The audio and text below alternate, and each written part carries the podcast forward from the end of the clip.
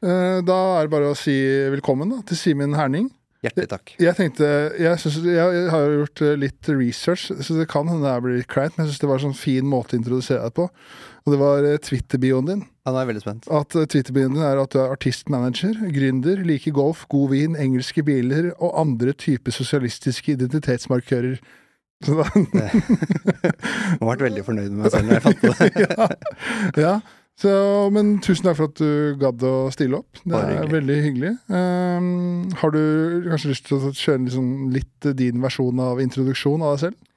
Ja, det der er jo overskriftene fra et sånt nå, nå-perspektiv, kanskje. Ja. Um, Men ja, jeg er manager. Det er jo det Det er den enkleste måten å forklare yrkestittelen min på. Um, og jeg har egentlig drevet med ulike former for å hjelpe kreative folk med karrierene sine i en 15 års tid, eller eh, et eller annet sånt. Ja. Eh, først stort sett musikere, og så nå etter hvert folk som driver med litt eh, andre ting. Så nå er det komikere og en slampoet og Ja, ja, ja. Alt, litt, forskjell, alt, alt litt forskjellige folk, ja. Men det var, det var en fugl som hviska meg i øret. Du har vært artist selv òg, har du ikke det? Ja, det er jo, jeg tror det er jo mange som sier at managerne er jo de som ikke klarte å bli artist. Okay, ja, ja, ja. Eh, og det er jo Jeg vil ikke påstå at jeg kanskje var artist, men jeg spilte i band.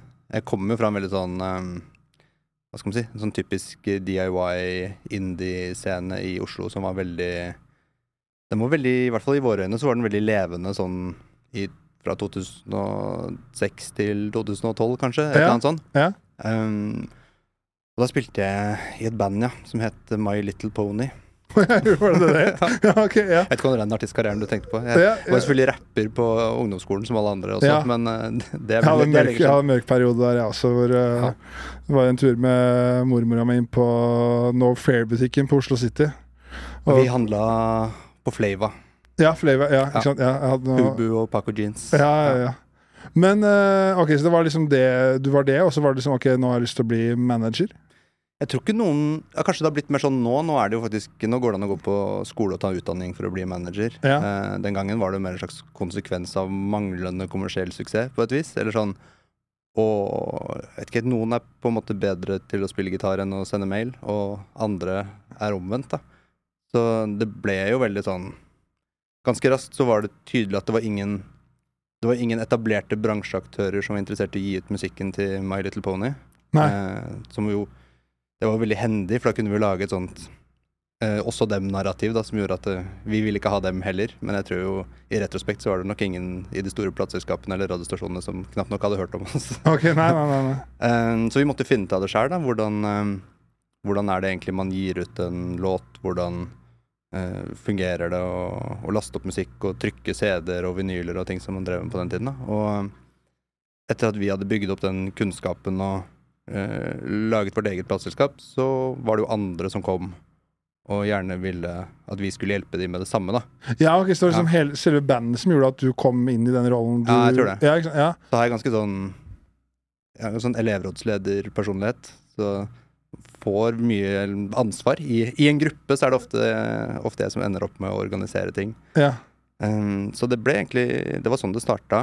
Uh, så vi lagde Vi var et slags lite kollektiv med flere band som ga ut vår egen musikk. Og så, etter hvert, etter mye om og men, så ble det på en måte bare en jobb. Eh, finansiert av studielån og DJ-hyrer på undergrunnsklubber og Ja. sånne Så type ting. det var du som var DJ da, eller? Ja da, Ja. jeg var DJ da, og er for så vidt fortsatt DJ. Vi klarer ikke helt å slutte med det. Ja. Ja, ok, det er gøy. Ja. Men er det Husker du liksom hvordan, hvem som for var liksom, ikke første klienten, men liksom første som kom til dere, hva vi trenger hjelp og hvordan den prosessen der var? Ja, det er litt sånn uklart. Det er mye som er ganske eh, blurry Ja. fra, den, fra, den, fra, fra den tiden sånn Undergrunn i, i, i starten av 20-åra. ja. Um, jeg tror vel det første bandet som jeg sånn for alvor var manager for, var eh, et som heter Death by Unga Bunga. De holder fortsatt på. Et, Ja, et, eh, rockeband Ja. fra Moss. Er De er ganske store i utlandet, er det ikke det? Eller sånn, Ja, de, de, s- selger litt billetter, eller? Akkurat det der er vanskelig å si. Altså Ja. Da jeg spilte i My Little Pony, så spilte vi også konserter i 15 land eller eh, et eller annet sånt. Ah, ok, Fordi ja. det eksisterte jo et nettverk av mer sånn undergrunnsspillesteder med folk som var opptatt av den typen musikk som vi, som vi drev med. da. Ja. For oss den gangen så var jo det folk som likte å gå på biblioteket og hadde sånn slitte gamle SV-blazere og jenter i prikkete kjoler og hornbriller og sånn. Ja, ja. Eh, og det finnes det liksom 200 av i hver storby i hele verden, så man kan reise rundt på en måte og gjøre en slags Ikke akkurat et levebrød, men kan i hvert fall holde seg aktiv med det. da. ja. Og, og Death Bunga Bunga de har jo sikkert gjort en del ting som har fungert ganske bra i utlandet, men mest av alt så er det jo vet ikke, De knytter seg jo på noen sånn bølger av internasjonal rock, hvor det fins liksom subsjangre og undergrunnsmiljøer over hele verden som gjør at man kan reise ut og, og spille, da. Det er Ja. veldig kult. Men uh, kommersiell suksess det er ikke så det er ikke, så veldig mange nordmenn som egentlig har det kanskje vi klassifiserer som kommersiell suksess i, i utlandet. Nei. Men uh, det er jo mange som reiser ut. Ja, ja, ja, det går, ja, kan jo reise rundt med standup og så mye du orker. Men det, det, ja, det er fritt det, til å gjøre det. Ok, Men, uh, så, men hadde du noe sånn derre Ok, eh, når du skjønte at liksom musikken uh, Altså det blir ikke noe kommersiell suksess, at det var sånn der Ok, nå går jeg all in for å være manager? Eller var det bare Nei, sånn flytende overgang Nei, jeg tror egentlig det var egentlig bare en ting som, som tvang seg litt fram. Og så ble jeg jo Egentlig så holdt vi jo på i veldig mange år uten at vi hadde en eneste suksess. Ja. Sånn.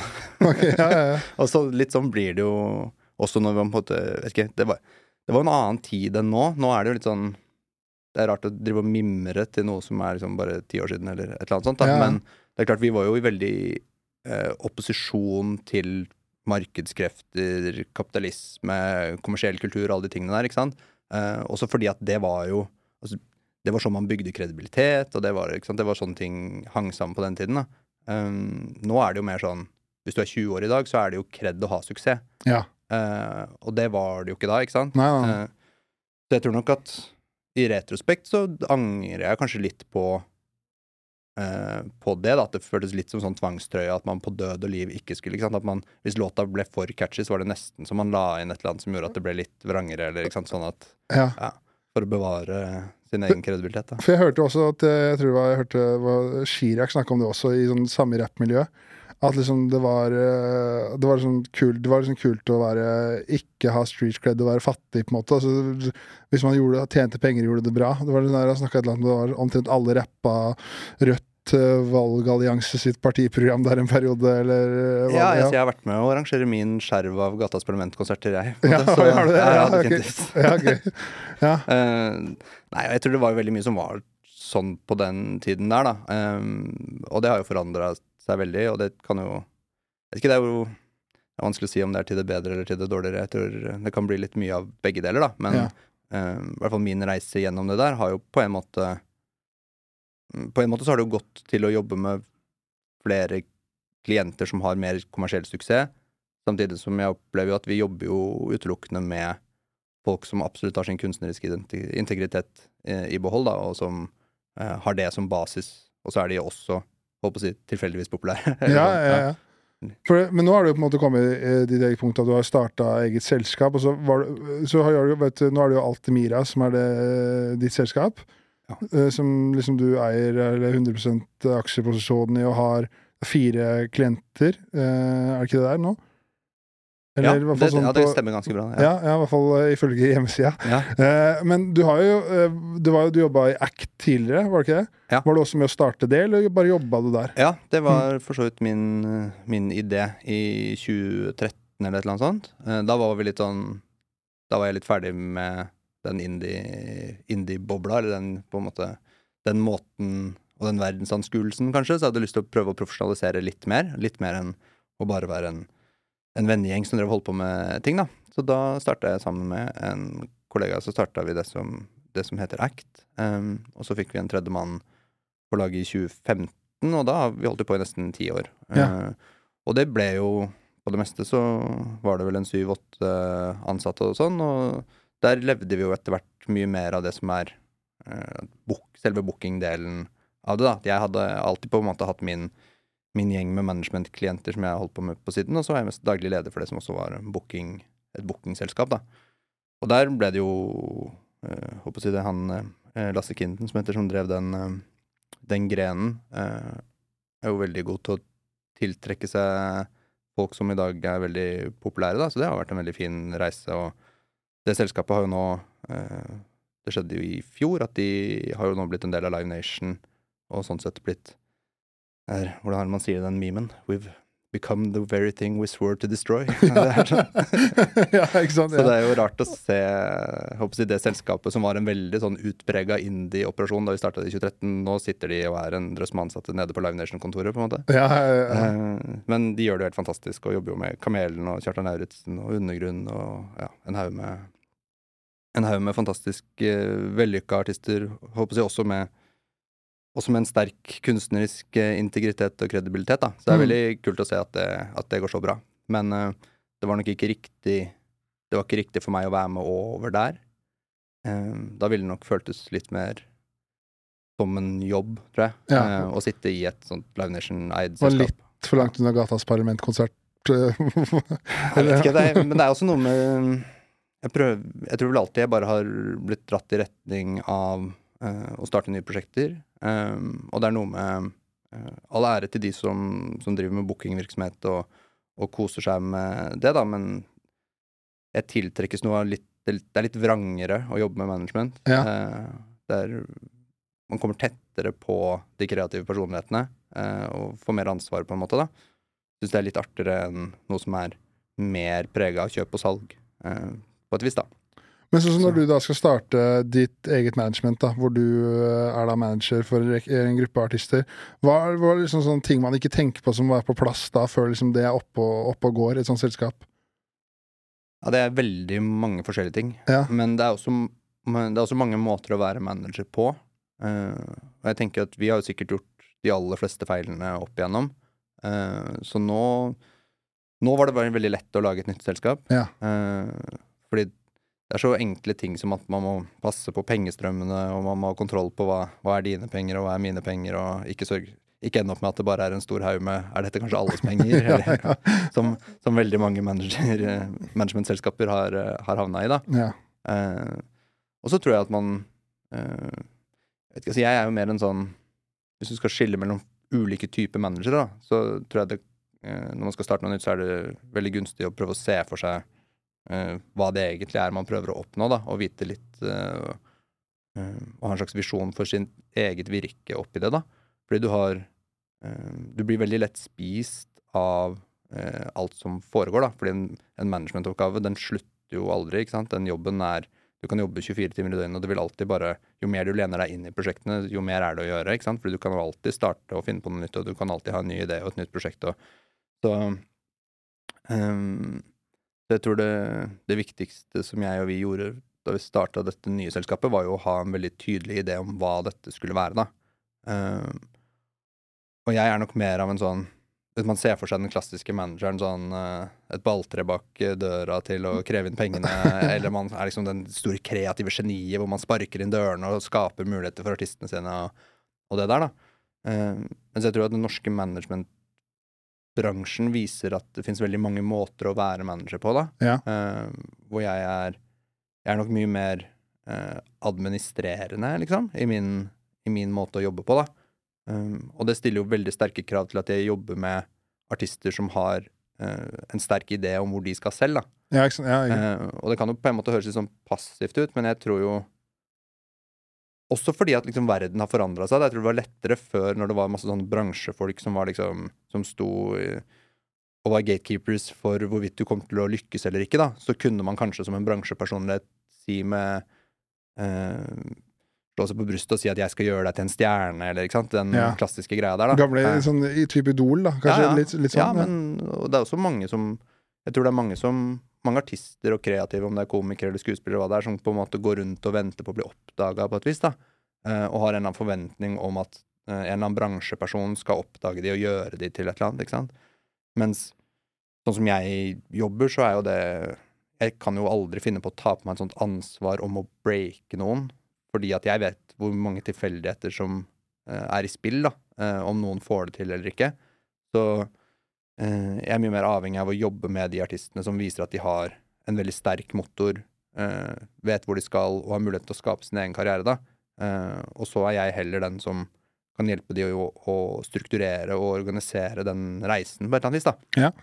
Og selvfølgelig eh, åpne noen dører, og vi har et stort nettverk og, og sånn, men, eh, men mest av alt så må den derre den driven må ligge hos artisten, da. Og det er kanskje det aller viktigste som i hvert fall jeg tenkte med meg selv når jeg skulle starte på nytt nå. Hva, er, hva skal liksom være um, verdiforslaget, for å bruke et, voksen, et voksent ord. Ja, ja. Um, og, det, og det skulle handle om at vi skal, uh, vi skal hjelpe med å lage et rammeverk og en grunnmur og en salgsorganisasjon og en logistikkoperasjon ikke sant? rundt alle de tingene som oppstår når uh, en kreativ aktør får et gjennombrudd. da.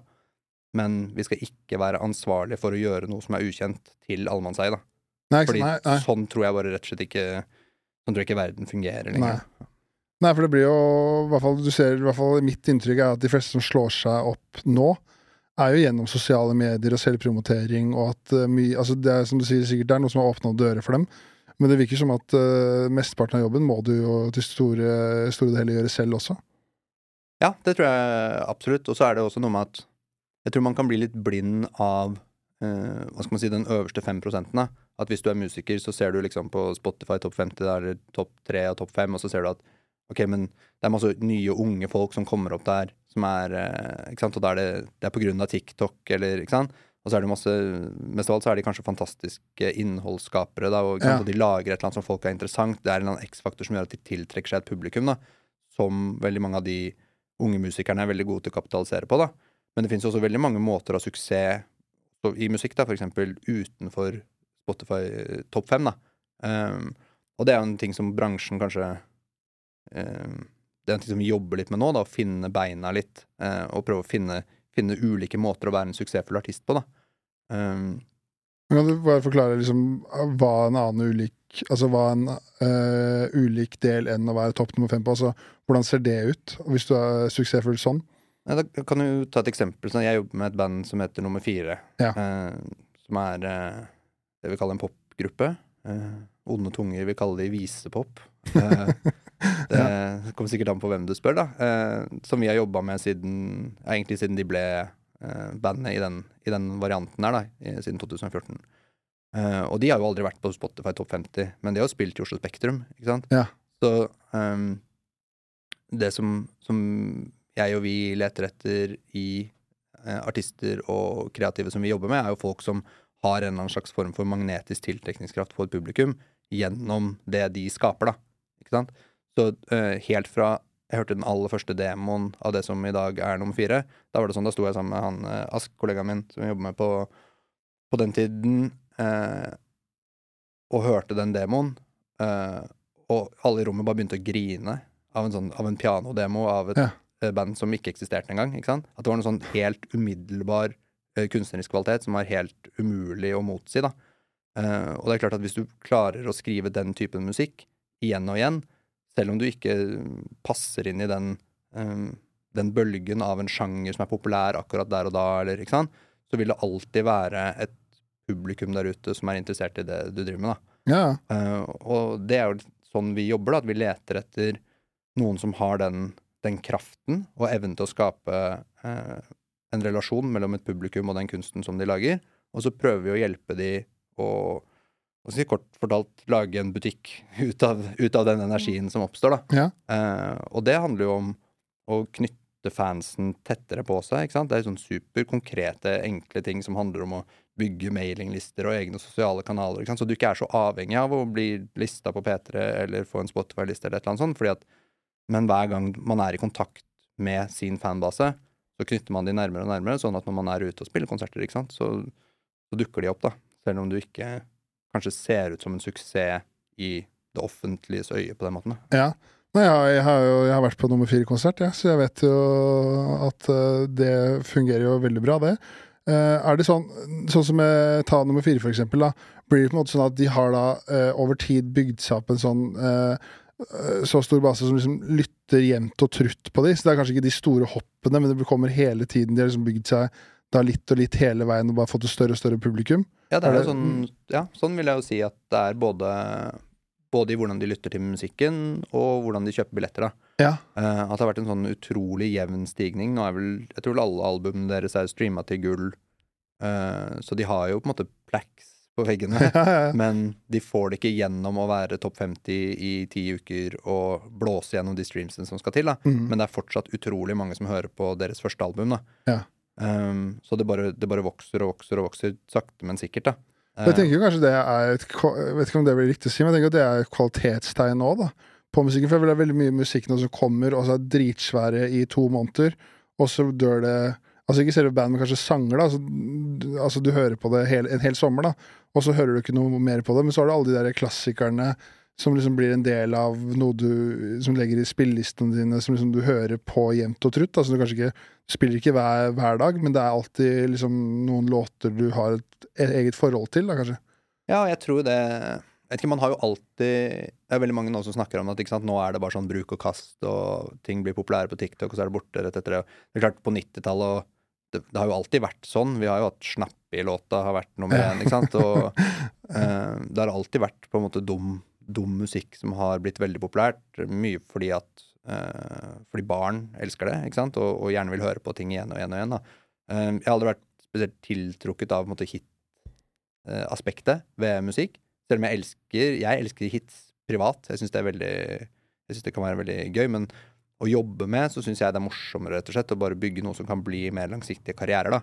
Uh, ting som kan ha verdi over tid, og uh, Det er litt sånn Jeg tror drømmen er jo på en måte å lage musikk som en låt som er, eh, som er ti år gammel, men som når noen synger den på syng, da, Ja. når de er på jobbfest, så kan alle den sangen. Eller sånn, ting som bare setter seg som en del av liksom den kollektive hukommelsen som vi har som samfunn. Det er veldig, jeg vet ikke, det er veldig pompøst. Nei, men jeg sånn- skjønner veldig godt hva du mener. ja, Ja. Jeg synes at det Jeg tror vel at um, så fort som låter blir populære og, og blir borte igjen nå, da, så er det jo vanskelig å se for seg at man står der på Syng om ti år og synger Haien kommer, eller altså noen av de som har vært ja. eh, ekstremt populære nå, da.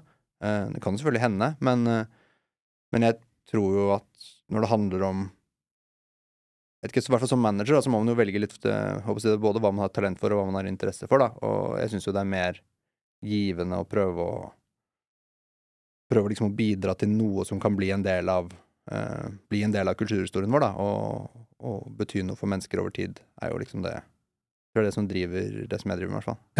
Så blir det på en måte riktig å si at eh, som for eksempel, Jeg vet ikke om du er med å sette mål for noen av klientene dine, men blir blir det liksom mer riktig å si at liksom, det er liksom ikke innen 2024 så skal vi ha solgt så og så mange billetter. Det er mye mer langsiktig eh, enn det, og liksom en, bare en plan om å bygge eh, For å bruke opp et, uh, bruke opp et uh, uttrykk med sånn stein på stein, da. Eller Ja, altså det er jo veldig forskjellig Jeg tror sånn i det daglige så jobber vi jo på ganske samme måte med, med, mange, med mange av de forskjellige klientene som vi jobber med, men vi må jo gi de ul...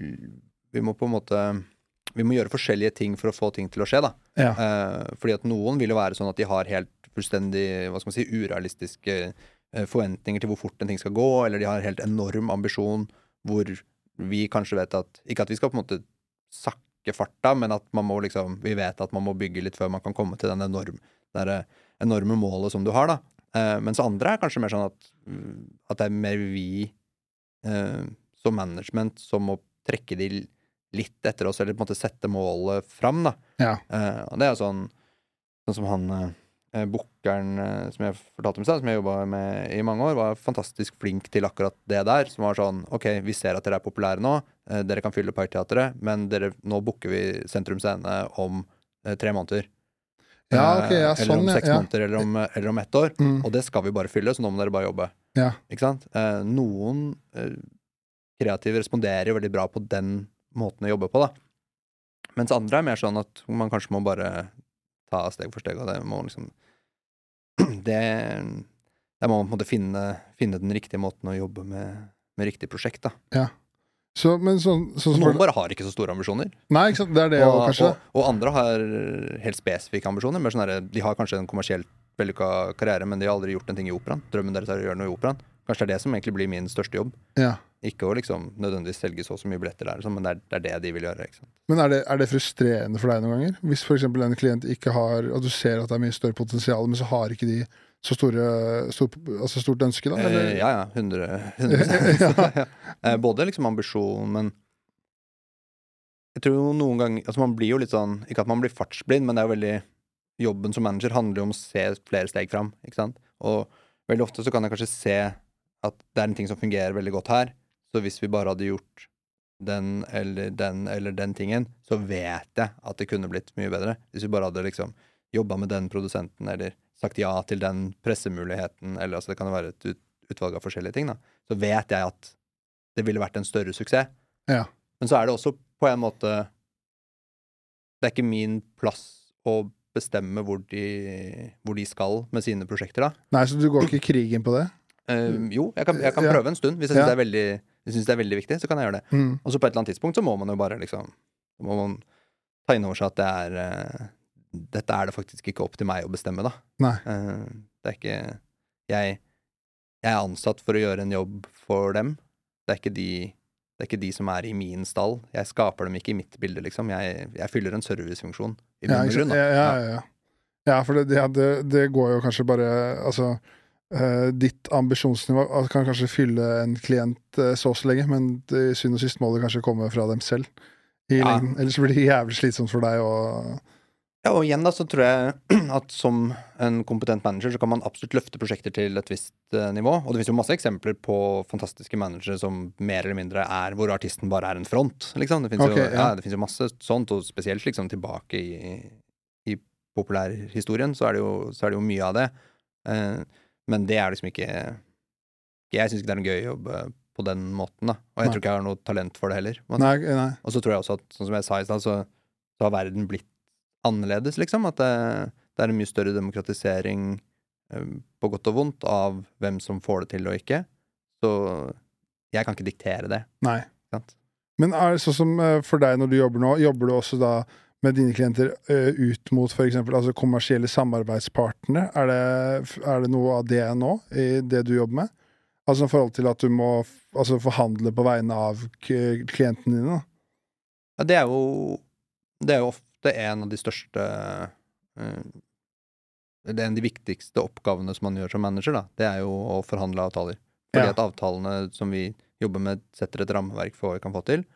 Um, når du sier kommersielle samarbeidspartnere, så jeg tror den derre Jeg, jeg, jeg, jeg, jeg tror veldig mange tenker sånn at uh, Som kanskje ikke vet, da, for eksempel at du kanskje hvis du skal ha en artist, da, så må kanskje du forhandle en avtale med uh, lokal du skal ha uh, konserten på. Ja, Eh, ja, ja. og, og de tingene der, det, det jeg tenkte liksom mer spesifikt på, er sånn herre Kan du for eksempel da altså si at eh, nummer fire da skal gi ut klær, og så går du da og har en forhandling med en klesprodusent, da, og liksom hvordan den prosessen fungerer, hvordan, hvordan eh, klarer du å sette tall på ting, da? Det er litt mer det jeg lurer på. Altså de mer sånn um, gammeldagse sponsoravtalene, uh, det er det ganske lite av. Og jeg tror også Også Nå jobber jo ikke jeg Altså jeg tror for at man liksom skal være um, aktuell for å ha eh, For å ha de store sponsoratene, for å si det sånn, da, så må man jo Så er det et spørsmål om hva man har å bringe til bordet som artist, da. Og det er jo ofte en fanbase som en kommersiell aktør gjerne vil koble seg på, da. Ja. Um, med musikk og sånn, så er det ganske lite av det. Også fordi at uh, man må som regel gjøre en god del ting som man som artist ikke er så interessert i å gjøre. Um, da er det blitt en mye sunnere kultur, syns jeg nå, for det å gjøre samarbeid og skape egne merkevarer, da.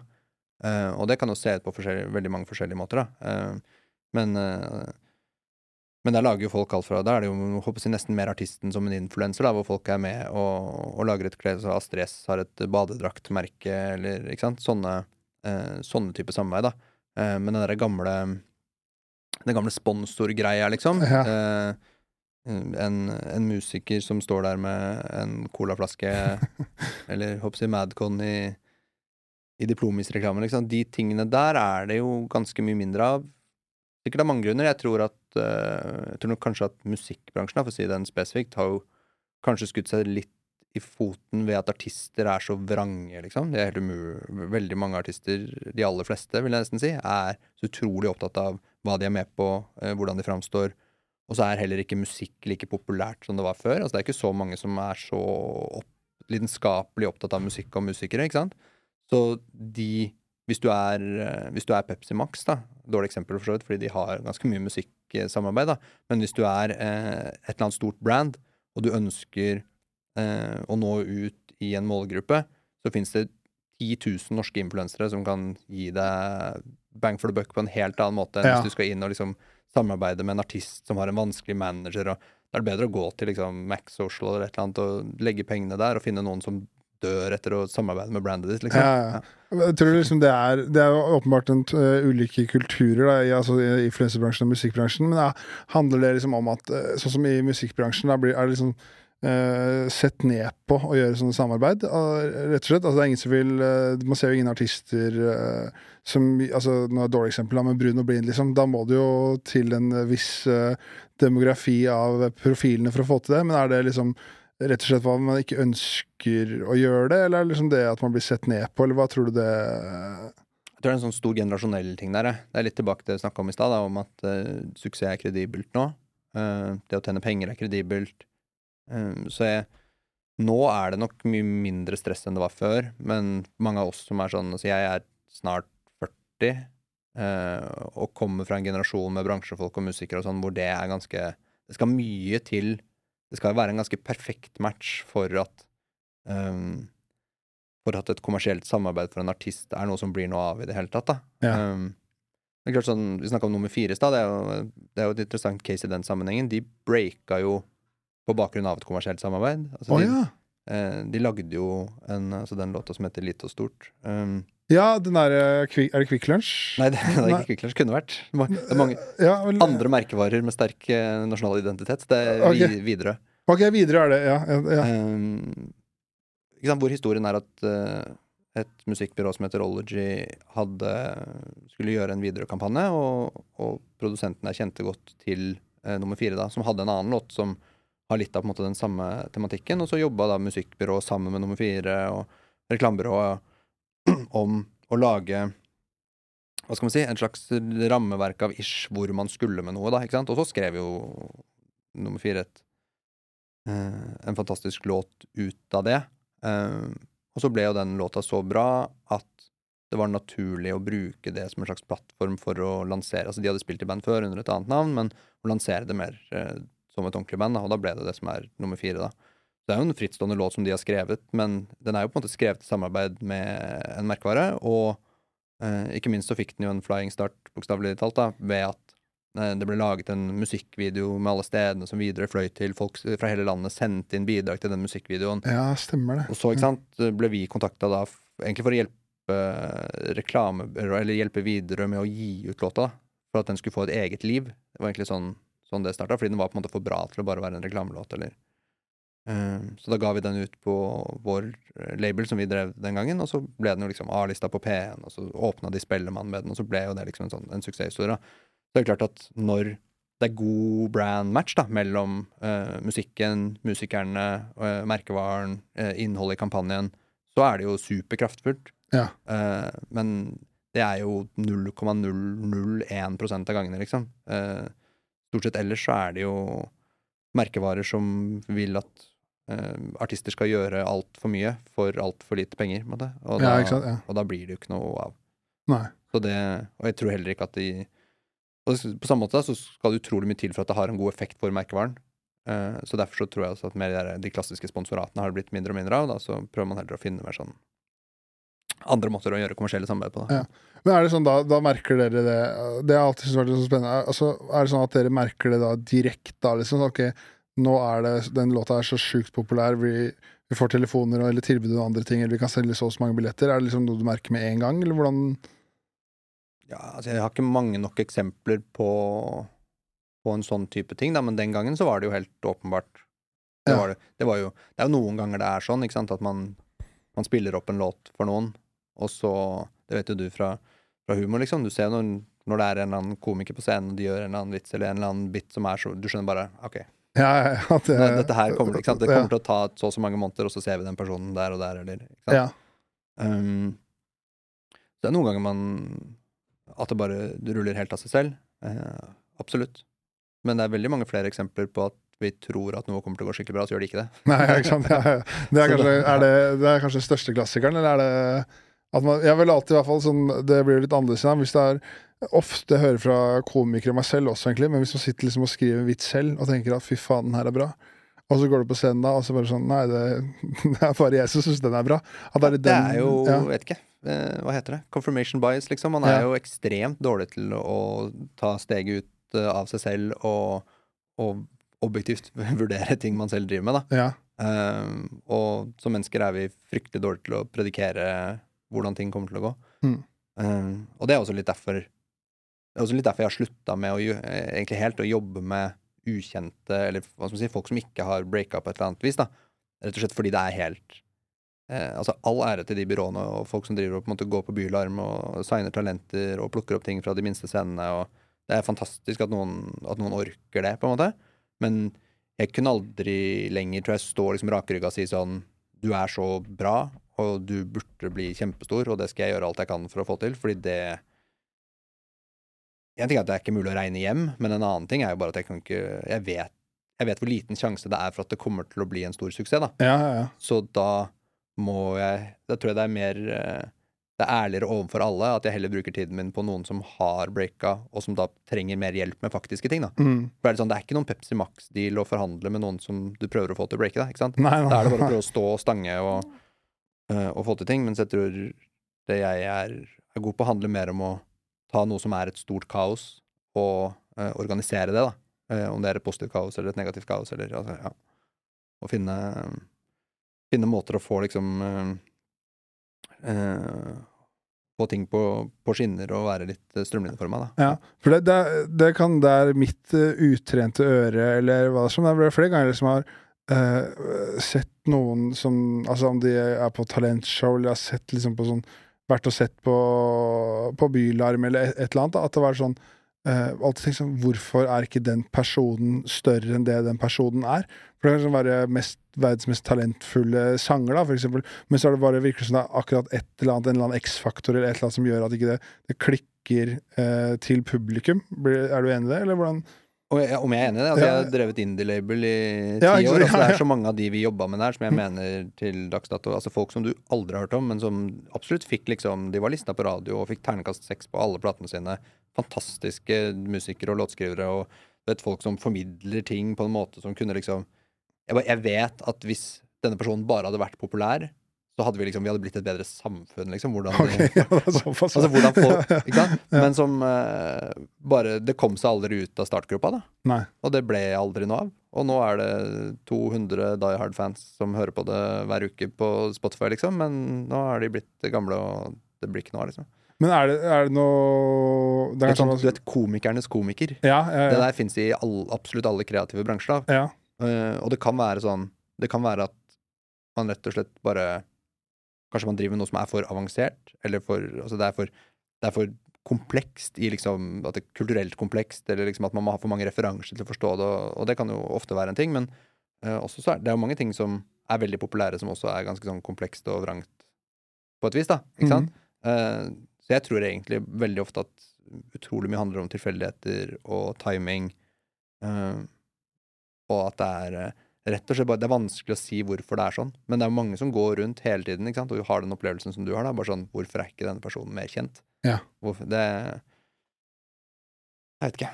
For det er, det er liksom ikke noe sånn her du kan, sånn, Et kjennetegn man kan sette fingeren på, eller uh... Nei, altså det er jo vet ikke, Det er jo kanskje et, uh, litt uredelig å ikke på en måte peke på at vi sitter midt i Oslo-gryta, da. Ja. Uh, at man blir litt blind. Um, og, og både du og jeg er fra, fra ganske små steder. Uh, altså når jeg vokste opp i Moss, så var det Det var aldri mangel på kultur. Ikke sant? Det var, det var ikke sånn der at jeg satt uh, i kjelleren et eller annet gudsforlatt sted og knapt nok hadde venner eller naboer og måtte liksom ut og jakte etter ting. Sant? Nei, For det er de historiene du hører om folk som bare sånn gravde opp undergrunnsting og sendte ting fram og tilbake i posten, og liksom som virkelig måtte Fordi det var ingenting, ikke sant. Problemet i Norge, for eksempel, er at det er jo sinnssykt mye byer som har sånn 20 30 40 000 innbyggere, med en velfungerende kulturskole, og alle har eh, TV 2 og, og NRK, og ikke sant? det er kulturuttrykk hele tiden som folk kan abonnere på. Det er folk, det kommer uh, Postgirobygget og Staysman og Lass, og folk kommer og spiller og ikke sant. Så det er kultur der hele tiden, da. Ja. Eh, så du skjønner Jeg tror jeg var liksom Jeg var sikkert nesten 18 år før jeg, før jeg skjønte at det eksisterte annen musikk enn Michael Jackson og Iron Maiden, liksom. Sånn. Ja, ja, ja, men jeg kan kjenne meg er veldig, Ja, ja. veldig sånn ta tabloid sagt, da. Men Mm. eh, så da jeg flytta til Oslo og begynte å jobbe på platekompaniet, og bare sånn ja, det fins noe inn... Det blir helt oppslukt av bare sånn Det fins undergrunnsmusikk. Det fins masse folk som lager ting som er ment for å være rart. Eller sånn. Mm, mm. Det fins folk som har ambisjoner om å lage ting som er mer komplekst enn de tingene som jeg var eksponert for. da. Og jeg tror det er kanskje Det er jo altså hovedgrunnen til at hva skal vi si, litt sånn vanskeligere, men si, på en måte kanskje kvalitativt bedre, eller livsfarlig å si, da, men ting ikke blir kommersielt populære, er jo fordi at det må jo finne et publikum. Og Norge er et så lite land at hvordan skal du finne det publikummet hvis Hvis du er eh, Hvis du er en, en undergrunnskomiker som er helt fantastisk, og som dreper det på Nye Scene, da eh, Du kan ikke reise ut i landet og forvente at folk skal skjønne fordi der, der herjer Ørjan Burøe, da. Ja, Han ja, ja. selger 1000 billetter i hver, eh, i hver by, da. Mm. Det er jo klart at Det er bare sånn Publikum har bare ikke liksom det Har ikke apparatet for å forstå hva det er du driver med, da. Nei. Og derfor så blir du jo heller ikke populær, da. Det Men, føler jeg også du ser litt på uh, anmeldelser av uh, av spesielt uh, utenom da, med sånne komi komikers show og sånn. Så er det komikere som selger veldig masse billetter, spesielt utafor Oslo, også i Oslo også, for så vidt. Men så leser du kanskje noen anmeldelser av noen store aviser som gjerne vil ha noe Som ikke er sånn Hvordan skal jeg si det? Altså folk, altså folk utafor som bor ute på landet, eksempel, de er ikke så opptatt av uh, at det skal være sånn der nyskapende, kanskje. Eller er det ekkelt å si? Jeg vet ikke. At det er så flott og nyskapende, og det var originalt. Mer at det, er liksom, det skal være morsomt, og vi skal få valuta for penga og le. Hvis jeg tror når man sitter i gryta i bransjen, da, Mm. uh, så har man jo en slags uh, Man har jo det privilegiet å bry seg om eh, å, å kun bry seg om innholdet, på en måte. Ja. Uh, og det er jo fantastisk, ikke sant? Fordi da, det finnes et publikumsgrunnlag for at det kan finnes scener hvor det bare er det som har noe å si. Da. Hva du leverer, er, liksom, er det relevante. Mens kulturens plass idet du kommer utafor Oslo, Bergen og Trondheim, uh, er jo i veldig stor grad uh, det å være en samlende kraft, Mm. ikke sant? Det er jo kjempetrist å si på en måte, men det er jo ganske For veldig, veldig store deler av det som vi ser på det som det publikummet som holder meg og deg i live sånn, så det er ikke så relevant hvem som står på scenen. Nei, nei, De kommer seg ut Ja. og treffer naboen og tar en øl. De har ikke tatt en øl på to uker. ikke sant? Det er mer sånn Det er eh, eh, fantastisk følelse å ha barnevakt, barnevakt og bli litt tipsy og gjøre noe annet. ikke sant? Ja, ja. Og da er på en måte kulturen et verktøy for det der, da. Mm. Um, så, men man kan jo på en måte også håpe på at at det er sånn det har vært, og at nå som flere og flere eh, Altså mer og mer av eh, de tingene vi publiserer, er tilgjengelig for alle umiddelbart da, gjennom Altså på, på nett, så er det en større mulighet for å finne eh, små grupper av folk som er interessert i det samme, da, Ja. overalt. Eh, og så kan man kanskje tjene de pengene på andre måter enn at man på dødelig må reise dit og, og treffe de, da. Ja, ja, ja. For det, det er, jeg vet ikke om du er enig i det, men jeg har i hvert fall en ting jeg har lagt merke til sånn, eh, når jeg har vært ute og, og, og reist med standup nå, er jo at eh, Du var litt inne på det i stad, men at alle, altså uansett hvor lite sted, så er det kulturhus overalt i Altså, det var jo jeg var med, når jeg var med Dag Sørås til Bjugn, det, liksom, det var eh, 40 minutter på Trøndelag. Det er liksom kommune med 2000 innbyggere, men der var det to kulturhus. Som jeg snarere Ja, ja. det, det er jo uansett, jeg tenker det må jo være Ja, det må, altså det må være mye minusprosjekter på kultur. du at Norge er villig til å satse mye på det også, da, bruke penger, penger på det. Men det vet jo kanskje du bedre enn meg, men mitt inntrykk er at eh, det, er, altså, det er noen kroner som går til kultur i løpet av et år.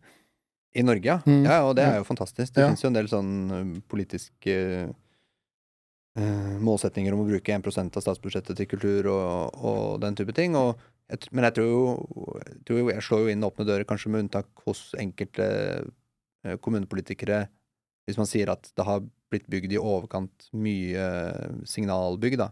Ja, sånn, ja. På en måte en litt sånn utslitt diskusjon som jeg føler at man kanskje ikke snakker så mye om nå lenger, da, men det var jo spesielt en periode hvor hver, hver kommune skulle ha liksom et Snøhetta-tegna bygg til 72 milliarder, liksom. Så, men så har de ikke publikumsgrunnlag til Nei, Altså det er fullt når det lokale korpset spiller, Ja. og hvis Postgirobygget kommer, ikke sant? og kanskje hvis Dagfinn Lyngbø eller ikke, Kvinne på randen, et eller annet, ikke sant? Da, da fyller de, og så noe lokalt juleshow og noe sånt, og ellers så står det ganske tomt.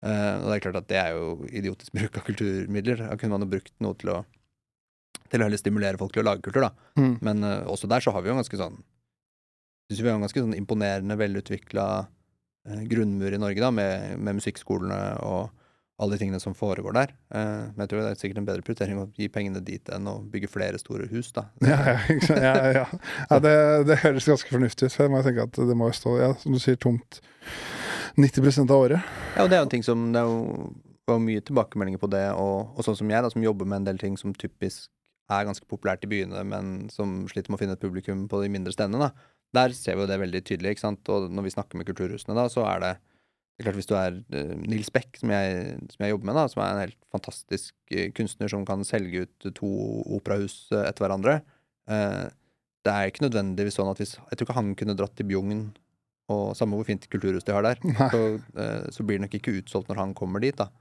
Eh, men det er jo litt sånn, det må vi leve med, tenker jeg. Men tror du, er det, tror du liksom det bare er eh, at vi er som du sier, Oslo-gryta, eller hvorfor tror du det er, eh, det, er sånn? For det er jo liksom noen ting eh, som uansett hva det er, som liksom treffer kan treffe hele landet, og så er det noen som ting som liksom treffer bare eh, enkelte deler av befolkningen. Altså, har du noen tanker om liksom hvorfor det er sånn, eller er det vanskelig å svare på, kanskje? Det er veldig vanskelig å Det er i hvert fall vanskelig å Det er lett å svare på hvis man har lyst til å på en måte bli en sånn, vet, Oslo-elitist. Så, Ja, ja, ja, ja. Men uh, det finnes mange måter å, snakke, å, å, å svare på det spørsmålet på. Er det, tror du det kan handle om at tilbudet er, til, altså, tilbudet er tilgjengelig mer, så folk har mer forhold til det? Kan det være det, eller er det Jeg tror det er vanskelig å si. Altså. Det, Ja. det kan være um, Det kan ha et klasseperspektiv. Ja. Sånn um, At for, for å på en måte bruke den tiden og de økonomiske midlene som skal til for å kunne sette seg inn i hva skal man si, vanskelig kultur eller et eller annet sånt, da, så må man jo ha tid og penger til det, på en Mm. måte. Ja, ja. Um, det, kan være, det kan være et argument. Og så tror jeg rett og slett at mye handler om at for at en del sånne type, sånn type interesse skal oppstå, så må det være liksom kritisk masse. Det må være mange nok mennesker til at det kan oppstå uh, at det kan oppstå interesse for smalere ting. Da. Jeg tror, det ser liksom ikke noen eksempler på at ja, i denne lille bygda her så er alle opptatt av dette ene smale kulturuttrykket. Det er sånn at Hvis du har ti personer, så liker de det mest populære. Og hvis du har 1000 personer, så liker de det mest populære, men kanskje også noe av det som er altså, Det er jo sånn det vil fungere, ikke sant? Ja, ja, ja. Så eh, det enkle svaret er jo at vi er jo veldig få folk, og folk har mer enn nok å drive med. Uh, og så er det en slags naturgitt kraft at uh, til enhver tid så er det noen av oss som søker en interesse for noe mer, da. Men hvis du bruker all tiden din på Ikke de aller fleste, vet ikke de ser på Netflix og er opptatt av Premier League og spiller fantasy football og Det er klart det er veldig mange ting der ute som uh, er kjempeartig å drive med. Så skal grave dypt i bunken før du begynner å bry deg om sånn kunstmusikk. Og, ja, ja det, det er sant. eller skal være liksom veldig eksponert av et miljø, da. Men Ja. da må miljøet eksistere, ikke sant. Og det dukker jo ikke opp av seg selv. Nei. Men hvordan var det Hvordan var det liksom for uh, I og med at liksom Netflix og den delen der altså, Hvordan var det under uh, pandemien, liksom? Hvordan var det å forholde seg til den for du, da, som jobber med artister som skal da selge billetter og få folk til å komme og se på dem? Altså, hvordan jobba dere da, eller hvordan fungerte det? Altså Pandemien var litt sånn Jeg tror vel at vi hele tiden så tenkte vi jo at dette Det kommer jo på en måte til, til å gå bra på et eller annet vis. Um, I hvert fall jeg personlig har et veldig lavt nevrosenivå. Okay, ja. uh, og jeg tenker jo at når sånne type ting skjer, så tenker jeg bare OK, det er et privilegium å drive med kunst og kultur.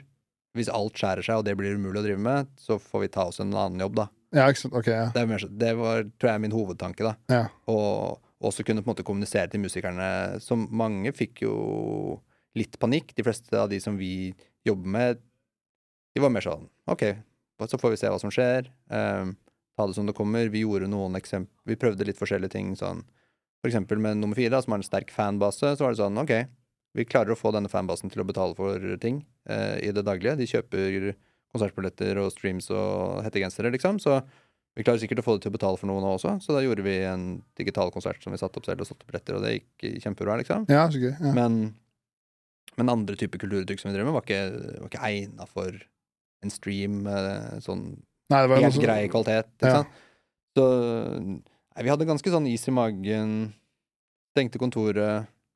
Satte oss inn i det som dukka opp av støtteordninger og sånn, men jeg tror jo at når sånne helt ekstraordinære ting skjer, så tror man heller bør på en måte tenke litt sånn OK, det jeg driver med, er faktisk et slags privilegie, men det vil også være sånn at det er ikke sikkert at jeg kan leve av det på akkurat den måten som jeg driver med nå, men det vil alltid være et behov for kultur. Og det har alltid vært kunstnere som har vært holdt i live eh, på den ene måten eller den andre, da. Så la oss liksom se hva som skjer når støvet legger seg, var liksom eh, min innfallsvinkel. Samtidig som at vi selvfølgelig eh, Det kjedelige svaret er at vi har kompetanse på ting som har med økonomi og administrasjon og, og offentlige støtteordninger og virkemiddelapparat og bla, bla, bla. Ikke sant? Vi, er, Ja, ja, ja. vi er selvfølgelig kjempegode på de tingene der og skaffa masse penger som folk klarte å komme seg gjennom pandemien på, da. Men eh, jeg tror også noe av det viktigste var bare liksom å stikke fingeren i jorda og si at dette, dette kommer til å gå over, og hvis det ikke går over, så får vi finne ut av det på en annen måte, fordi folk kommer til å ville ha kultur etter pandemien også. Ja, selvfølgelig. Men jeg har bare hørt at det er liksom snakk om at, øh, at på ulike steder, jeg vet ikke om det er sånn i Oslo, eller, men at det, at det liksom er fortsatt litt etterslep på sånn billettsalg og sånn etter pandemien. At folk liksom snakker om at det er vanskelig nå å få folk ut enn det det var tidligere. Ja, jeg tror på det. Ja. Eh, men eh, det var vanskelig før òg. Ja, ikke sant? Det, altså, det er klart jeg vet ikke, Vi får litt sånn vet, i mine bransjegruppechatter, så må vi jo nå le litt av liksom en festival som går konkurs eh, sommeren 2023 og skylder på liksom endret eh, publikumsmønster. Så bare, det holder ikke. Da har, du, da har du laget et for dårlig program da, Ja, ja. eh, og et for dårlig produkt som folk ikke vil kjøpe. For det er jo masse folk som lager masse kultur som går for fulle hus. ja, ja, ja. Eh, men det er jo klart at hvis du driver et, eh, et kulturhus i en liten by, og du hele tiden er på vippen med at du, sant, du jobber hver dag for å klare å overbevise folk om å kanskje ikke se på HBO i dag, men faktisk gå og se en artist eller et uh, revyshow eller et eller annet, da, så er det jo knallhard konkurranse. Mm. Kulturbransjen er uh, kommet veldig langt, men vi er også super uprofesjonell og bitte liten sammenligna med de enorme kreftene som prøver å spise folks oppmerksomhet hele tiden. da. ja, Og det er litt sånn altså, En musiker konkurrerer jo ikke mot en komiker eller eh, andre musikere. eller, Altså, vi konkurrerer jo mot Netflix, liksom. Vi konkurrerer mot at folk bare sitter hjemme og scroller og uh, Så det er jo det er jo det som er på en måte den store bevegelsen. Og så satt kanskje liksom pandemien gjorde det litt verre, spesielt noen steder, da. Men, eh, men det er jo bare en stor generell problemstilling at folk sitter mer og mer inne, da. Men jeg tenker at det er, det er bare en kjempeutfordring. At Ja. man må bare, da må man jo bare brette opp ermene og lage bedre ting, da. Mm. For det er det vi ser, at når ting, når ting funker, så funker det jo. ja, ja, ja, Eh, klar, ja. Og det er eh, De beste festivalene er utsolgt, ikke sant? Og de, det er utsolgt når altså se når Selvfølgelig ikke det, ikke det er ikke noen trøst for Nøtterøy kulturhus, på en måte, men se på når Taylor Swift slipper turneen sin nå, liksom folk Altså servere over hele verden knek, knekker sammen. Altså, hvis, hvis du er hvis du klarer å skape en etterspørsel, og du har en eller annen X-faktor rundt det du lager, så er det mulig å få publikum til å gå bananas for å få med seg det kulturelle produktet ditt. Ja, ja. Eh, men det er kanskje sånn at eh, vet ikke, Det er mulig at pandemien har akselerert en del ting. Da, at det er ikke lenger sånn at man bare Man kan ikke man kan ikke bare sette opp et show med en middels populær komiker eller middels populær musiker og forvente at folk bare dukker opp. da. Man må antagelig jobbe litt hardere. Eh, enten både med innholdet, eh, kommunikasjonen sin og, og hvordan man skrur sammen hele bakka. da. For det er kanskje sånn her Jeg, jeg, vet, jeg føler som jeg kommer litt eh, Spesielt etter Sånn som når jeg var eh, fikk lov til å varme opp for Dag på Sentrum Scene.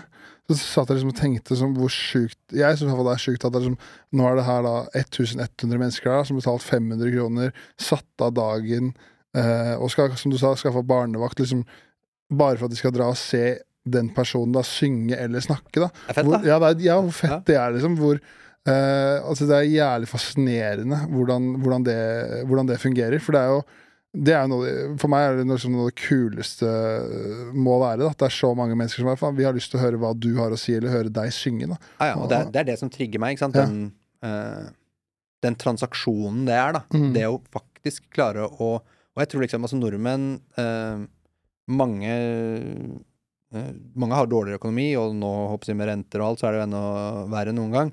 Men de aller fleste har økonomi til å bruke noe penger på underholdning på et eller annet vis, da. Så det handler mer, føler jeg, om å overbevise folk om å bruke tiden sin enn å bruke pengene, da, når du liksom skal Når du snakker om et sånt enkeltshow som, som det, da.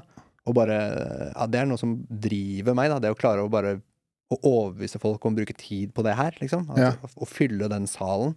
Eh, spesielt hvis jeg mener at det som skal foregå på den scenen, er Dette bør folk få med seg, da. Ja? Ja. Mm. Det, det er på en måte det som får meg opp om morgenen, og, og får liksom å få flere øyne på ting som jeg mener allerede er, er dritbra, da. ja, at du sitter liksom med den følelsen at faen, hvis vi gjør ting riktig her, så kommer flere folk til å se det jeg ser. Ja, liksom ja, det, litt. ja, ja. Absolutt.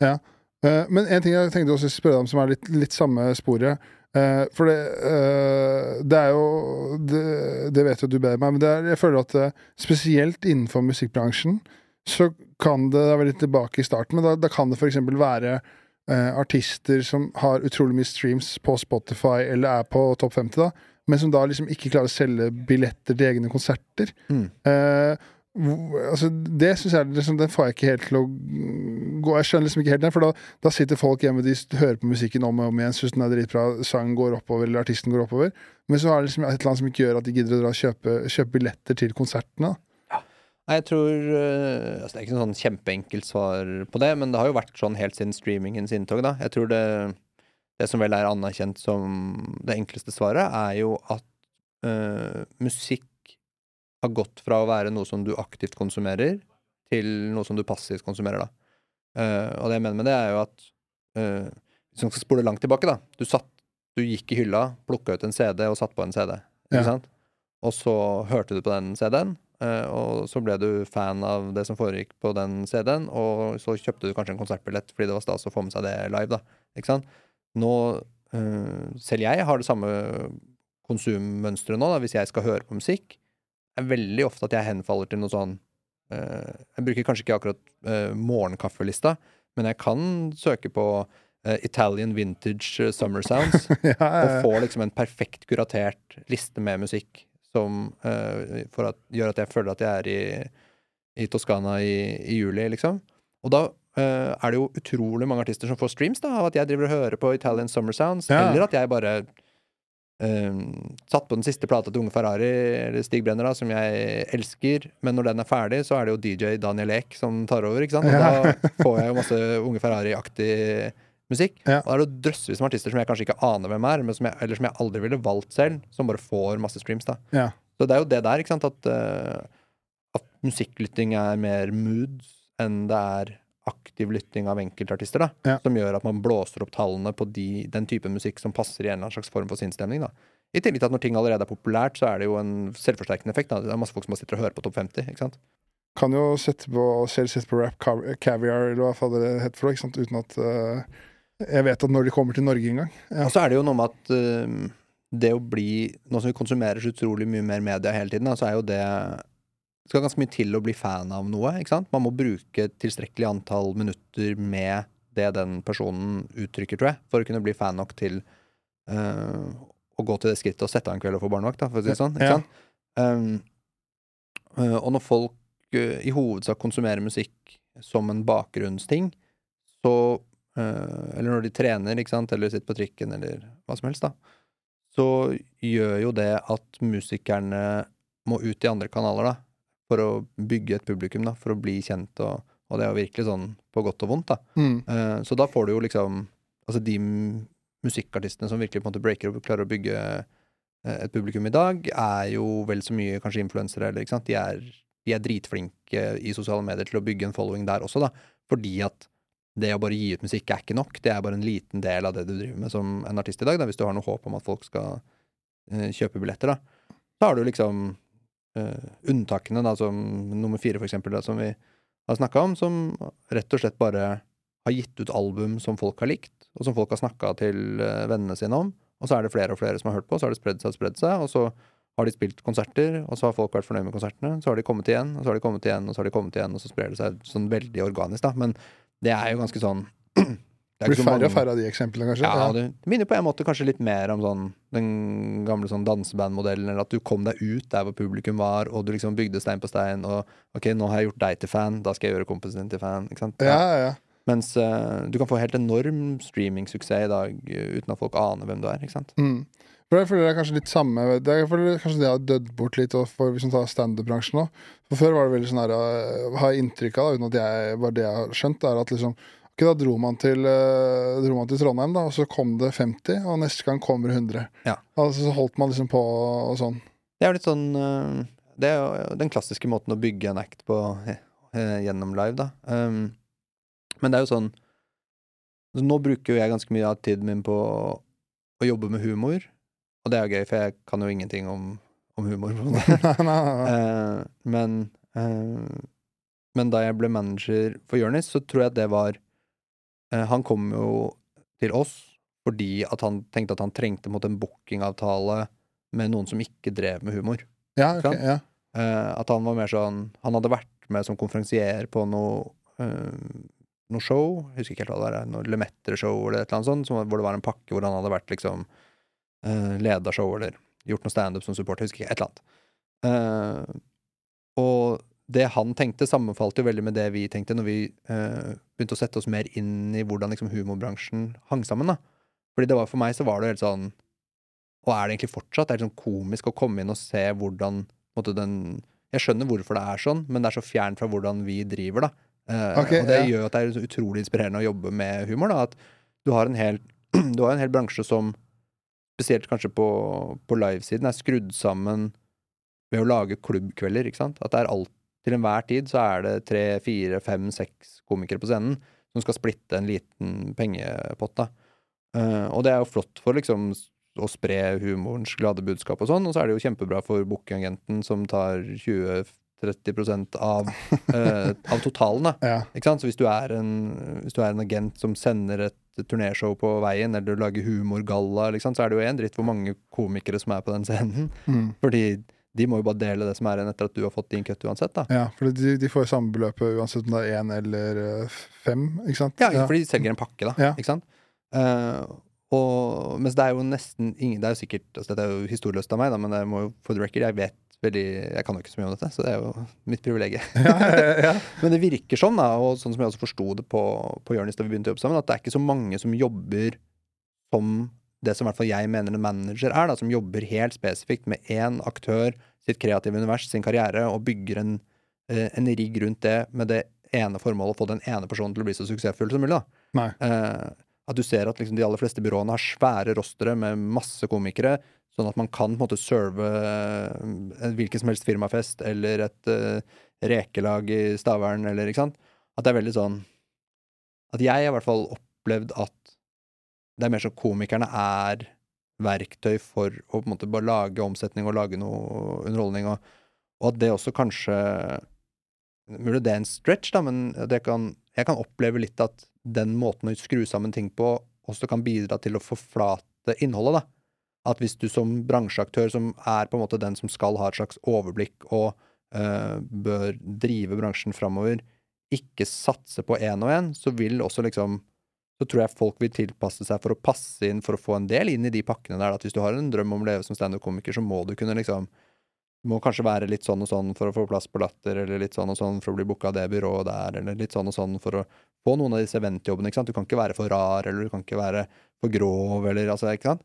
Mens øh, mens det må være, tenker jeg i hvert fall, et kjempepotensial for komikere til øh, Eller for bransjefolk, da, å bygge enkeltkomikere. Ja. Uh, og, og virkelig bare bore ned i hva er det den ene komikeren har lyst til å si. Hvem er det som er det unike publikummet for den komikeren? Finnes det andre ting den komikeren driver med, tenker på, drømmer om, som vil gjøre at vi kan bygge et helt univers rundt hva den komikeren driver med, da, istedenfor at det er bare liksom fem minutter her og fem minutter her og fem minutter her. Altså, det er jo, det er jo, du nevnte jo Dag Sørås i stad. Etter hva jeg forstår, så må han være et veldig godt eksempel på det. da, Noen, Ja, som, eh, noen som har bygd sin egen karriere, eh, publikummer for publikummer, og som nå har et bra levebrød basert på, på det, da.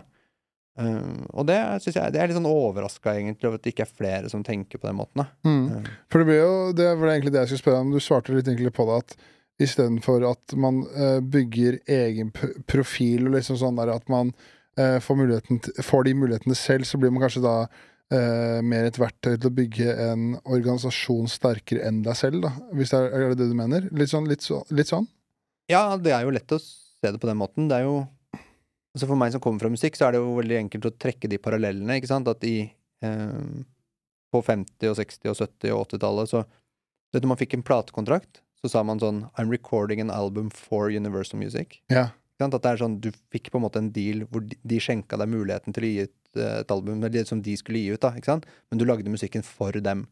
Uh, og det kan jo på meg virke som at det er litt den samme type dynamikken i humor, da, og også til dels i liksom, TV-bransjen, at folk måte strekker seg etter kontrakter med de store, da, for at det skal gi en slags form for jobbsikkerhet eller plattform, og det er jo på en måte fint, det, men jeg tror jo at det det er jo veldig utfordrende for liksom, bredden i kulturen, da. Mm. Um, jeg tror også det som er litt unikt med uh, Som gjør det kanskje litt vanskeligere Eller jeg vet ikke om vanskeligere riktig, men i hvert fall litt mer utfordrende eh, med standup kontra musikk, da kan jeg se for meg, er at eh, du får liksom ikke øvd på standup på egen hånd.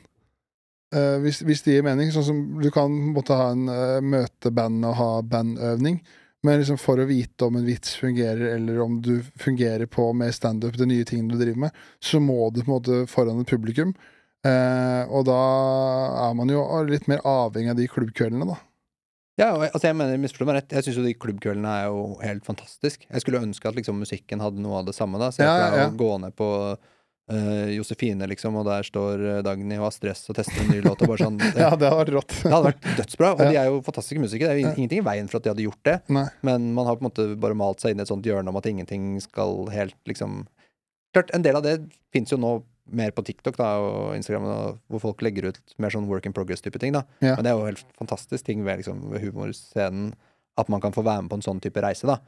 Men jeg tenker det er ganske langt derfra. Jeg tror man på en måte må skille liksom mellom hvordan man skaper det innholdet man skaper, og hva som er en del av liksom bare undergrunnskulturen og de tingene som skjer der, og det som er på en måte det mer sånn kommersielle feltet. Uh, og det er litt sånn, sånn når jeg jobber med, med komikere og sånn, så liksom hva som foregår på klubb altså det er, Jeg har ingenting med det å gjøre. Liksom folk må stå hvor de vil, og jeg vil ikke ha på en måte noen kutt av de pengene, eller altså det er, sånn, det er en egen ting. Det er det samme som det ville vært som å ta 20 av at noen skal øve på, på en måte, ikke sant? Ja, ja. og det det driver vi ikke med. Men uh, Nei, så jeg er mer, mye mer interessert i liksom det som uh, Bare hvorfor det ikke er liksom flere som uh, satser på, på noen få utvalgte, og som prøver å bygge de karrierene. Det, eller hvorfor ikke på en måte flere komikere prøver det selv, på et eller annet vis. Men det er kanskje det er jo på en måte mange som, som gjør det, da. Men ja, men jeg tror også man liksom blir Det er kanskje bare superlønnsomt da å drive og ha liksom en stall med 50 komikere og ja, klart, sette opp gallaer ja. Det er jo helt konge, det. Hvis mm. det fungerer bra og alle er happy, så er det jo bare Ja, så blir det kanskje eh, sånn for eget perspektiv òg. Man blir på en måte bare Kanskje man blir mer en del av den karusellen som allerede er. Da. Sånn, man, sånn fungerer det liksom. Ok, man gjør det Man begynner å stå på open mic, og så gjør man det bra, og så får man da begynner man å få filma jobber, og så kanskje man får kontrakt da fra Feelgood eller Latter eller hva det måtte være. Og så bare, ja, det, er, det, er, sånn det skal være, på, på en måte. Og så mm. tror jeg kanskje man må kommer til et nivå, da, sånn som Jonis, eksempel, som uh, er din klient, hvor man liksom skjønner at her, jeg kan jo skape ting på egen hånd mye mer uten at jeg trenger så mye hjelp fra et sånn type eh, stort fellesskap. Da. Kanskje da er det bedre for han å jobbe med en person som deg for å liksom bygge Jonis opp, kontra at uh, Jonis sitt arbeid bygger for så vidt han, men også alle andre opp. da. Jeg tror jo at det som kanskje komikere undervurderer, er jo liksom hva er det som er valutaen her? Og det er jo publikum. ikke sant? Ja. Klarer du å få folk til å dukke opp? Og så, så fort det er sånn at uh, Så fort det går fra at uh, latter skaffer publikum til deg, til at du skaffer publikum til latter, så er jo på en måte egentlig Vil jeg tenke, da. Det er jo på en måte tiden inne for å begynne å lage egne ting, da. Ja. Ikke sant? Og idet du har en egen fanbase, så er det jo bare kreativiteten som setter grenser for hva man kan drive med, da. Og det er det vi har vært gjennom i musikkbransjen, hvor man hele tiden før var veldig avhengig av liksom de gatekeeperne for at man skulle få gi ut en plate, eller få reise på turné eller spille på festivaler eller hva som helst, til at folk begynte å finansiere sine egne innspillinger, lage sine egne plateselskaper, ta kreativ kontroll. da. Uh, og det er det som jeg er veldig uh, inspirert av på vei inn i det som har med humor og med TV og med radio og sånne ting som vi jobber med. da, og sånn, Jør- Journey som et eksempel, da, ikke sant? De eh, kan jo nå uh, eie rettighetene til de tingene man gjør selv. da. Ja. Og det er sånn, For meg, fra et sånn politisk perspektiv, nærmest, det, hvis man er en kreativ skaper, så bør man jobbe for å eie de tingene selv, da. Tenker jeg. Jeg tenker at det er et viktig poeng. Uh, men det er kanskje sånn at uh, at det er på en måte ikke den tradisjonelle måten å gjøre det på, spesielt hvis man skal over og gjøre mer TV og, og den typen ting. da. Eh, fordi at ting har vært eh, komplekst å utvikle, og man trenger et svært produksjonslag, og man trenger så og så mange millioner for å lage en TV-serie og sånn. da. Men det er, jeg tror jo at etter hvert som kostnaden for å lage innhold bare blir lavere og lavere, og lavere, så kommer det til å bli mye mye, mye mer av det her, da, hvor enkeltstående komikere står for eh, de kostnadene som skal til for å produsere sitt eget innhold, og eh, også kan få en mye større andel av inntektene, da, Mm. som jeg tenker er helt, eh, helt riktig. da. Ja. Eh, så det er jo liksom det det er på en måte hovedpoenget av det vi driver med, da, å prøve liksom å hjelpe folk til å kunne bli litt sånn sjef i egen karriere, på en måte. Og det handler veldig mye, for meg i hvert fall, om, om rettighet til åndsverk, da. Eh, og rettighetene til de prosjektene som man driver med.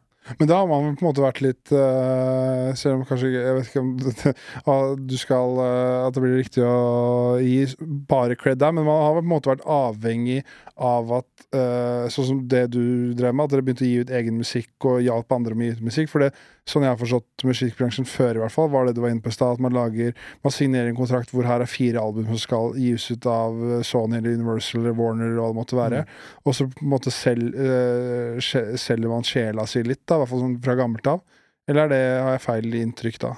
Nei, altså det var vel den tradisjonelle måten å gjøre det på, og det er jo fortsatt eh, varianter av sånne type dealer. Ja. Eh, men det er ikke noen tvil om at kjøttvekta har jo liksom Det har flytta på seg, da. Eh, og eh, sånn er det jo de aller fleste kreative bransjene, at det er jo egentlig nå bare én valuta, og det er litt sånn det som vi har snakka om hele veien, da. Klarer du å overbevise Kari på Jessheim til å bruke tid på det du lager, ja, da har det en helt enorm verdi. Da vil plateselskapene ha deg. Da vil de kommersielle merkevarene ha deg. Da vil TV 2 og NRK ha deg. Hvis du kan hjelpe dem å nå målgruppene sine. Ikke sant? Det, det er jo bare det det handler om. Så jeg tror bare Som eh, Altså, i musikkbransjen så var det Det er på en måte bedre nå. Det er veldig mange som var på liksom sånn slavekontrakter, men der er musikkbransjen ganske mye bedre enn sitt rykte.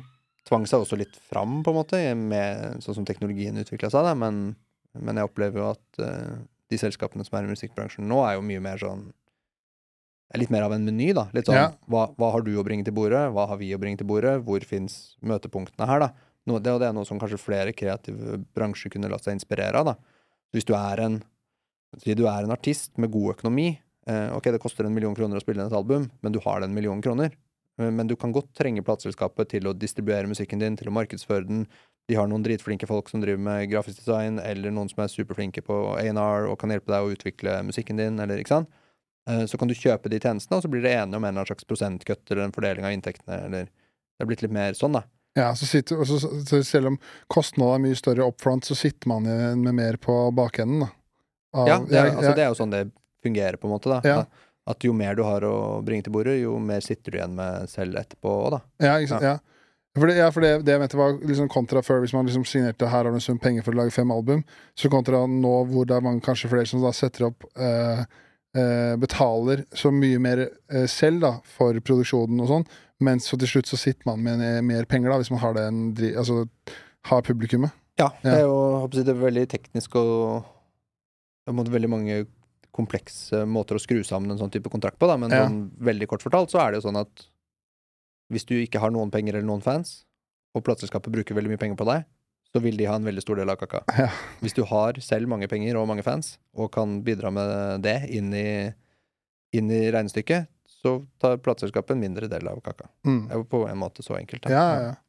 Men det, eh, det tenker jeg må jo være en eh, bra, bra utvikling. Altså for hele bransjen. Jeg vet ikke Absolutt. Ja. Ja, ja, ja. For det, det må jo bare tvinge folk til å liksom At det blir nyskapning, og at folk starter egne ting. da Egentlig det du kanskje etterlyser litt i standup-bransjen, da.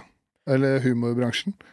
Ja, jeg tenker jo at det ville vært veldig kult. da At Det er veldig mange komikere tenker jeg som er mer enn populære nok til å kunne Uh, altså det, er ikke, det er ikke sikkert at folk vil. Altså Folk må gjøre akkurat hva de vil. da Ja, ja, Men det er jo mange komikere som er mer enn populære nok til at de kanskje kunne gjort flere ting i egen regi, da. Og tatt mer Jeg bare jeg vet ikke, Som sagt så er jeg jo veldig langt fra noen ekspert på den bransjen, da, men jeg omgås jo mange komikere, og det er noe med måten folk snakker om bransjen på. Jeg tror kanskje liksom det er det det bunner ut for meg. Da, at det er så mye sånn Det er så mye fokus på å få den muligheten, eller nå fikk du være med på sommershow der, du fikk den tingen der, og bare sånn Og jeg lurer på, hvis jeg bare skrur sammen tingene mine litt sånn, kanskje jeg kan få lage julegøy i Bergen, eller, Ja. ikke sant?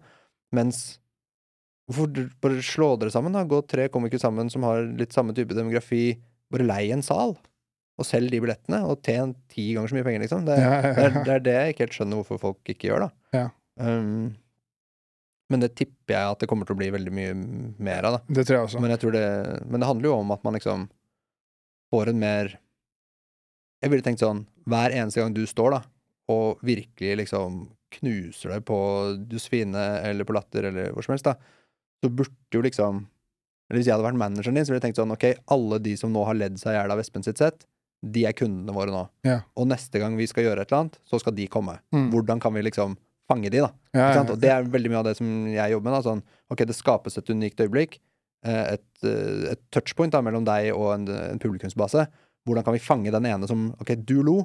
Da skal du skal ta med tre venner neste gang. Men uh, for veldig mange komikere så oppleves det som at liksom, man står og står og står, og står, og man, folk er dritbra, liksom. Og det er 500 mennesker et eller annet sted som holder på å le seg i hjel, liksom. Mens hvis du skulle satt opp et eget show, så uh, er det ingen som får det med seg. Fordi man vet knapt nok hvem det var som sto, eller at det er liksom ja, for det har jeg jo det er å jobbe, med å bygge sin egen base, da. Og liksom Ja. ta eierskap til sine egne kanaler og bygge sitt eget, uh, sitt eget publikum, tror jeg liksom er Det må Ja. være første steg, da. For det, det kan jeg, det, akkurat det du sier der, kjenner jeg meg litt igjen i. på en måte, altså, kunne, altså, ikke, Nå skal jeg ikke si at det skjer hele tiden, men altså, det er ofte at for eksempel har du gjort det veldig bra, så er man kanskje gjennom å ta en øl med noen komikere, så kommer noen opp og sier ja, det var jo veldig bra, men hva var det du het igjen? Ja? Den, den er jo sånn klassiker, at man kanskje er litt sånn dårlig til å liksom Jeg vet ikke om kanskje selvpromotering er riktig ord, men at man liksom blir at man blir fort glemt da, hvis man ikke eh, liksom prøver Altså hvis man ikke gjør en innsats for å liksom ta med seg de videre som man har gjort det veldig bra for. ja, det er jo også litt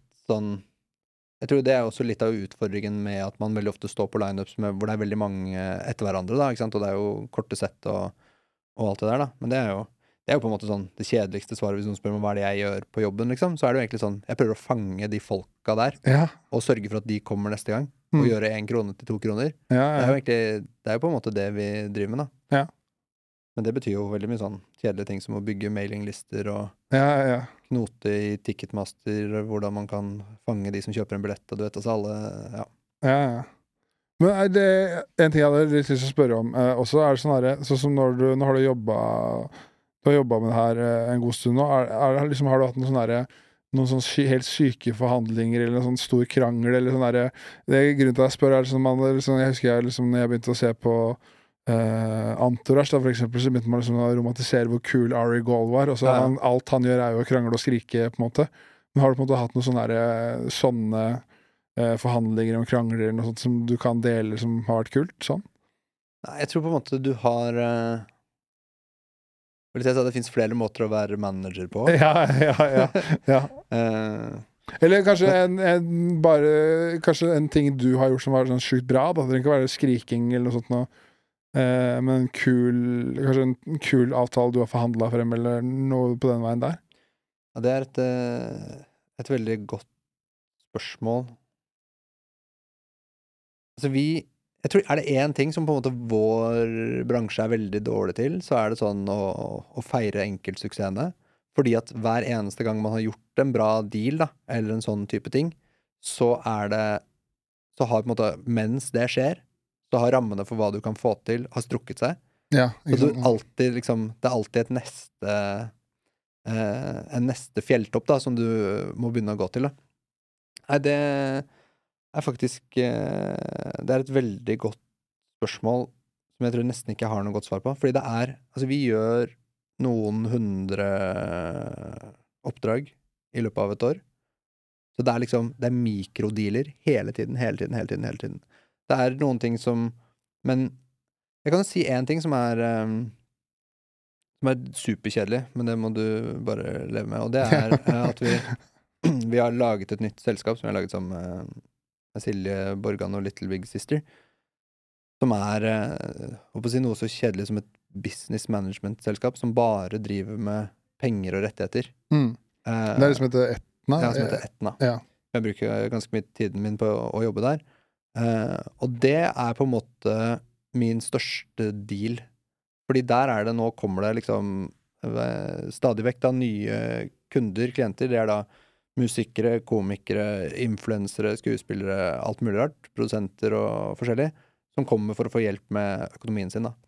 Og gjennom Og, og der er det sånn jeg vet ikke, altså det ser veldig stil, Hvis du har et sånt underholdningsselskap, så ser det veldig stilig ut hvis du selger masse svære show og alt sånt. da. Mens eh, i, i Etna så har vi jo et helt enormt antall dealer eh, og penger i underholdningsbransjen da, som går gjennom det huset hver eneste dag. Ja. Eh, og det å kunne eh, Bare ved at vi nå etter hvert sitter på så mye kompetanse på det vi driver med, til at liksom en enkelt komiker eller en enkelt musiker kan komme inn, og så kan vi hjelpe de å forhandle den eh, TV 2-dealen eller NRK-dealen, eller om det er en bookingkontrakt med noe, eller å sette opp et eget produksjonsselskap, eller Og at vi ser hvor mange hundre tusen kroner som vi kan på en måte forbedre en avtale med, da. Ja. Det er liksom Det må være jævlig kult. Ja, det er, det er helt sinnssykt kult. Og Ja. bare uh, Det er så mange Det er så mye penger som ligger igjen på bordet, uh, som fo- bare fordi at folk vet ikke hva de er verdt, eller hva som er mulig å få til. da.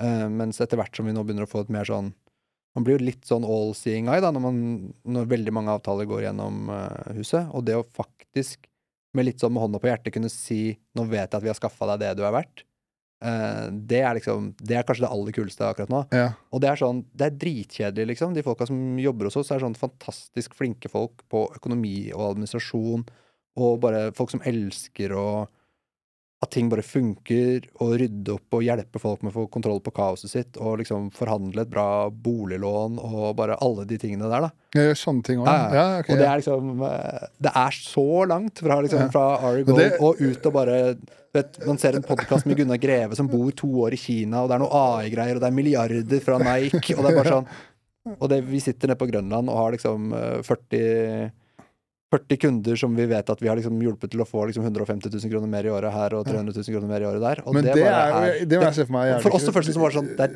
tidenes win, liksom. Ja, men det, det, det, det, akkurat det skjønner jeg er jævlig kult. Altså hvis, du sitter, hvis dere sitter og jobber med en avtale, og dere har fått et tilbud, for eksempel, og dere presser opp den 150 000, det er jo dritkult. Altså, det, det, altså det Ja, det er helt, så, ja. det er helt konge. Ja. Det, for det er kanskje litt det man Det kan jo bli ganske sånn begrensa når man sitter og jobber med enkeltartister, ikke sant?